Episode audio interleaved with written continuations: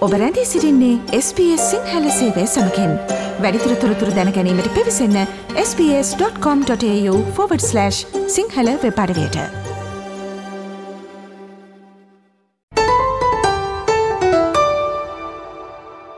මෙවර ශීතයර්තුවට ඇතිවන උනස් තෙම් ප්‍රතික්ෂා කාලය වෙනදට වඩා වෙනස් ආකාරයක් ගන්න බව තමයි ඔස්ට්‍රලියාවේ සෞඛ්‍ය බලධාරයෙන් කියන්නේ. ඉතින් ඒ පිළිබඳ වැඩිදුර තොරතුරු විමසීමක් කරන්නට SBS සිංහල ගුවන් විදුලියෙන් අපි සූදානම් අද දවසේදී ඒ සඳහා අප සමග මෙල්බර්න් සිට වෛද්‍ය මංජුලා රත්න භාරතී මහත්මිය මේ අවස්ථාවේ සම්බන්ධ වී සිටිනවා. ආයිබෝන් වෛද්‍යතුමියනි ඔබට. අයිබෝන් අතිනේ. ඔව් වෛද්‍යතුමියනි මුලින්ම මම ඔබතුමියගෙන් දැනගන්න කැමති මේ මෙවර සීත ඍතුව සමග පැමිණෙන ෆ්ලූ සීසන් එක එහෙම නැත්නම් උණ සෙම්ප්‍රතිශ්‍රාව හැදෙන මේ කාලය වෙනදට වඩා වෙනස් බව කියවෙනවා. ඒ වෙනස කුමක්ද?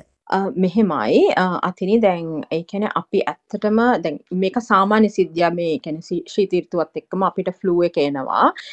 හැබැයි දැන් ප්‍රශ්න වෙලා තියෙන්නේ දැන් මේ අපි මූණ දෙන්නේ අවුරුදු දෙකකට තුනකට විතර පස්සේ තමයි මේ මේ ෆ්ලූ සීසන් එකට. ඒකට හේතුව තමයි දැන් 2019 අපි මූණ දුන්නා ෆ්ලූ සීසන් එකට.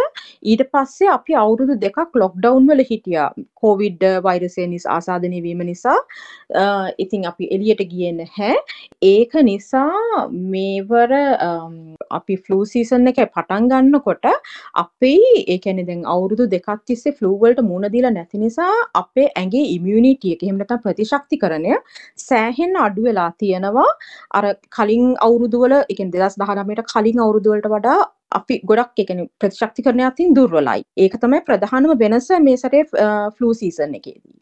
ඔව් වෛද්‍යතුමනි මෙවර උණුසෙන් ප්‍රතිශ්‍රාව ඇතිවීමේදී ඇතිවන රෝග ලක්ෂණ මොනවද? ඒ වගේම මම ඔබතුමෙන් දැනගන්න කැමතියි කොවිඩ්-19 රෝග ලක්ෂණ සමග මෙම උණ රෝග ලක්ෂණ වෙන් කර හඳුනා ගැනීමට හැකියාවක් තිබෙනවද? දැන් මෙහෙමයි මේ දෙකටම සාමාන්‍යයෙන් එන්නේ එකම රෝග ලක්ෂණ වගේ. ඒ කියන්නේ දැන් upper respiratory tract infection එක. ඒ කියන්නේ එහෙම නැත්නම් අපිට ඒ කියන්නේ ශ්වාසනාලයෙන් උඩ තියෙන කොටස් වල ආසාදනය තමයි ප්‍රධානවම එන්නේ. ඒ කියන්නේ එතකොට උණ එන්න පුළුවන්. ඊළඟට කිවිසුම් යෑම, ඊළඟට කැස්ස, ඊළඟට උගුරේ ආසාදනය, සීත කරලා වෙව්ලීම, ඔළුවේ කැක්කුම, ඇඟේ රුදාව, ඒ ඇකපතේ රුදාව ඒ ටික තමයි එන්නේ. නමුත් දැන් දැන් කෝවිඩ් වලත් මේ ලක්ෂණම තමයි තියෙන්නේ. නමුත් සාමාන්‍යයෙන් ඔබට සුවඳ සහ රස දැනීමේ අඩුවක් මේකත් එක්ක තියෙනවා නම් ඒක බොහෝ දුරට කෝවිඩ් වෙන්න තියෙන chance එක වැඩි ෆ්ලූ එකට වඩා. නමුත් ඒ කියන්නේ ඒයි කියලා කෝවිඩ් නොවි තියෙන්නේ නැහැ. ඉතින් ඒක නිසා හොඳම දේ දෙකම ගැන අපි හිතන්න ඕනේ. සෑම වසරකදීම ඔස්ට්‍රේලියාවේ සෞඛ්‍ය බලධාරීන් නිර්දේශ කරන්නේ මේ ශීත ඍතුවත් සමග පැමිණෙන උණ සඳහා එන්නත් කරනට යොමු වෙන්න කියලා. ෆ්ලූ ෂොට් එක එහෙම නැත්නම් මේ උණ සඳහා එන්නත ලබා ගැනීමට මෙවර සුදුසුම කාලය කුමක්ද? ඔව් ආතිනි එතනදී මට විශේෂයෙන් කියන්න වෙනවා දැන් අපි සාමාන්‍යයෙන් ශීත කාලය පටන් ගන්න අපේ මැයි අග ඒ කියන්නේ ජූනි මුල වගේ හින්දා ශීත ඍතුව සාමාන්‍යයෙන් ඔස්ට්‍රේලියන් රජය ෆ්ලූ ෂොට් එක පටන් ගන්නවා අප්‍රේල් මුල. ඒ කියන්නේ සති 6කට වගේ කලින් ඉඳන් පටන් ගන්නවා ෆ්ලූ ෂොට් එක දෙන්න. එතකොට මේ සැරෙත් එහෙම්මම ගෙනාවා.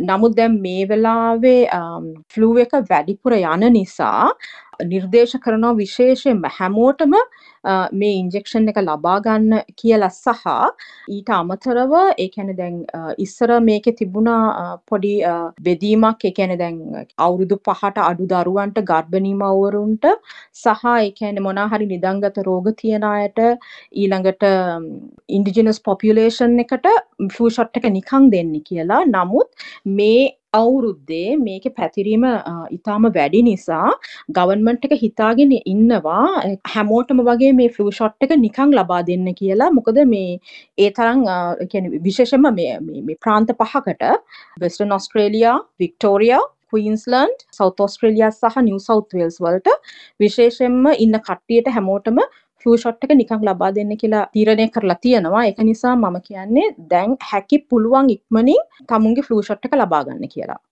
ඔව් අයිදිතුමනි මේ තමන්ගේ පවුල මේ උන්න සෙම්ප්‍රතිශ්ාව ඇතිවන ශීත ඉත්තුවේදී ආරක්ෂා කර ගැනීමට පවුලේ වෛද්‍යවරයක් හැටියට ඔබ ලබා දෙන අවවාදය උපදෙස කුමක්ද. මම දැන් කලින් කිව්වා වගේ හැමෝම ෆ්ලූ ෂොට් එක ගන්න.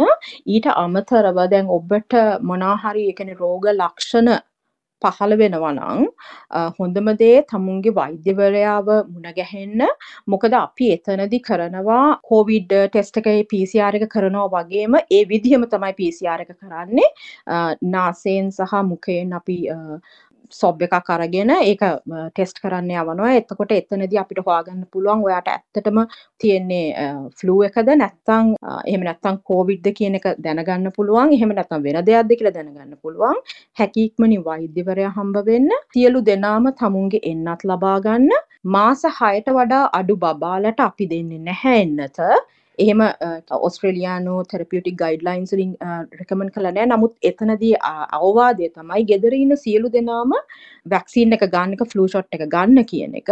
ඒ වගේම මම තව පොඩි දෙයක් අ, මෙතනදී අපි ශ්‍රී ලාංකික ප්‍රජාවට අ, එකතු කරන්න කැමතියි. දැන් අ, මේ දවස්වල ලංකාවේ ඉඳලා මෙහාට ඇවිල්ලා ඉන්න අය ඉන්නවා නම් අනිවාර්යයෙන්ම මේ ෂොට් එක ගන්න මොකද ඒ කියන්නේ දැන් ලංකාවේ ඇත්තටම එහෙම ෆ්ලූ සීසන් එකක් කියලා එකක් නැහැ. අ, නමුත් අ, දැන් මෙහෙට ආපු ගමන් කොහෙත්ම ප්‍රතිශක්තිකරණයක් නැති කෙනෙක් ඒකට එක්ස්පෝස් වුණාම අසීරු වෙන්න තියෙන තත්ත්වය වැඩි.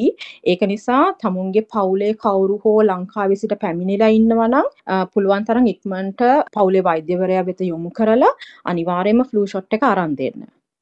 ඕ අපි කතා බහ කරමින් සිටියේ මෙවර ශීතෙට්ටුවත් සමඟ පැමිණෙන උණසැම් ප්‍රතිශ්ෂා කාලයට කොහොමද අපි මුහුණ දෙන්නේ සහ ඒ පිළිබඳව අවධානය යොමු කළ යුත්තේ කොයි ආකාරයෙන්ද කියන කාරණය සම්බන්ධව මේ වැදගත් සාකච්ඡාවට අප සමග අද දවසේ සම්බන්ධ වුණේ වෛද්‍ය මංජුලා රත්න භාරතී මහත්මිය මෙල්බර්න් සිට.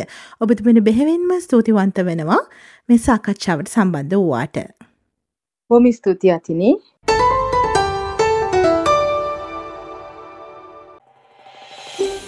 මේ වගේ තවත් තොරතුරු දැනගන්න කැමතිද? එහෙමනම් Apple podcast, Google podcast, Spotify හෝ ඔබගේ පොඩ්කාස්ට් ලබා ගන්න ඕනෑම මාධ්‍යයකින් අපට සවන් දෙය හැකියි.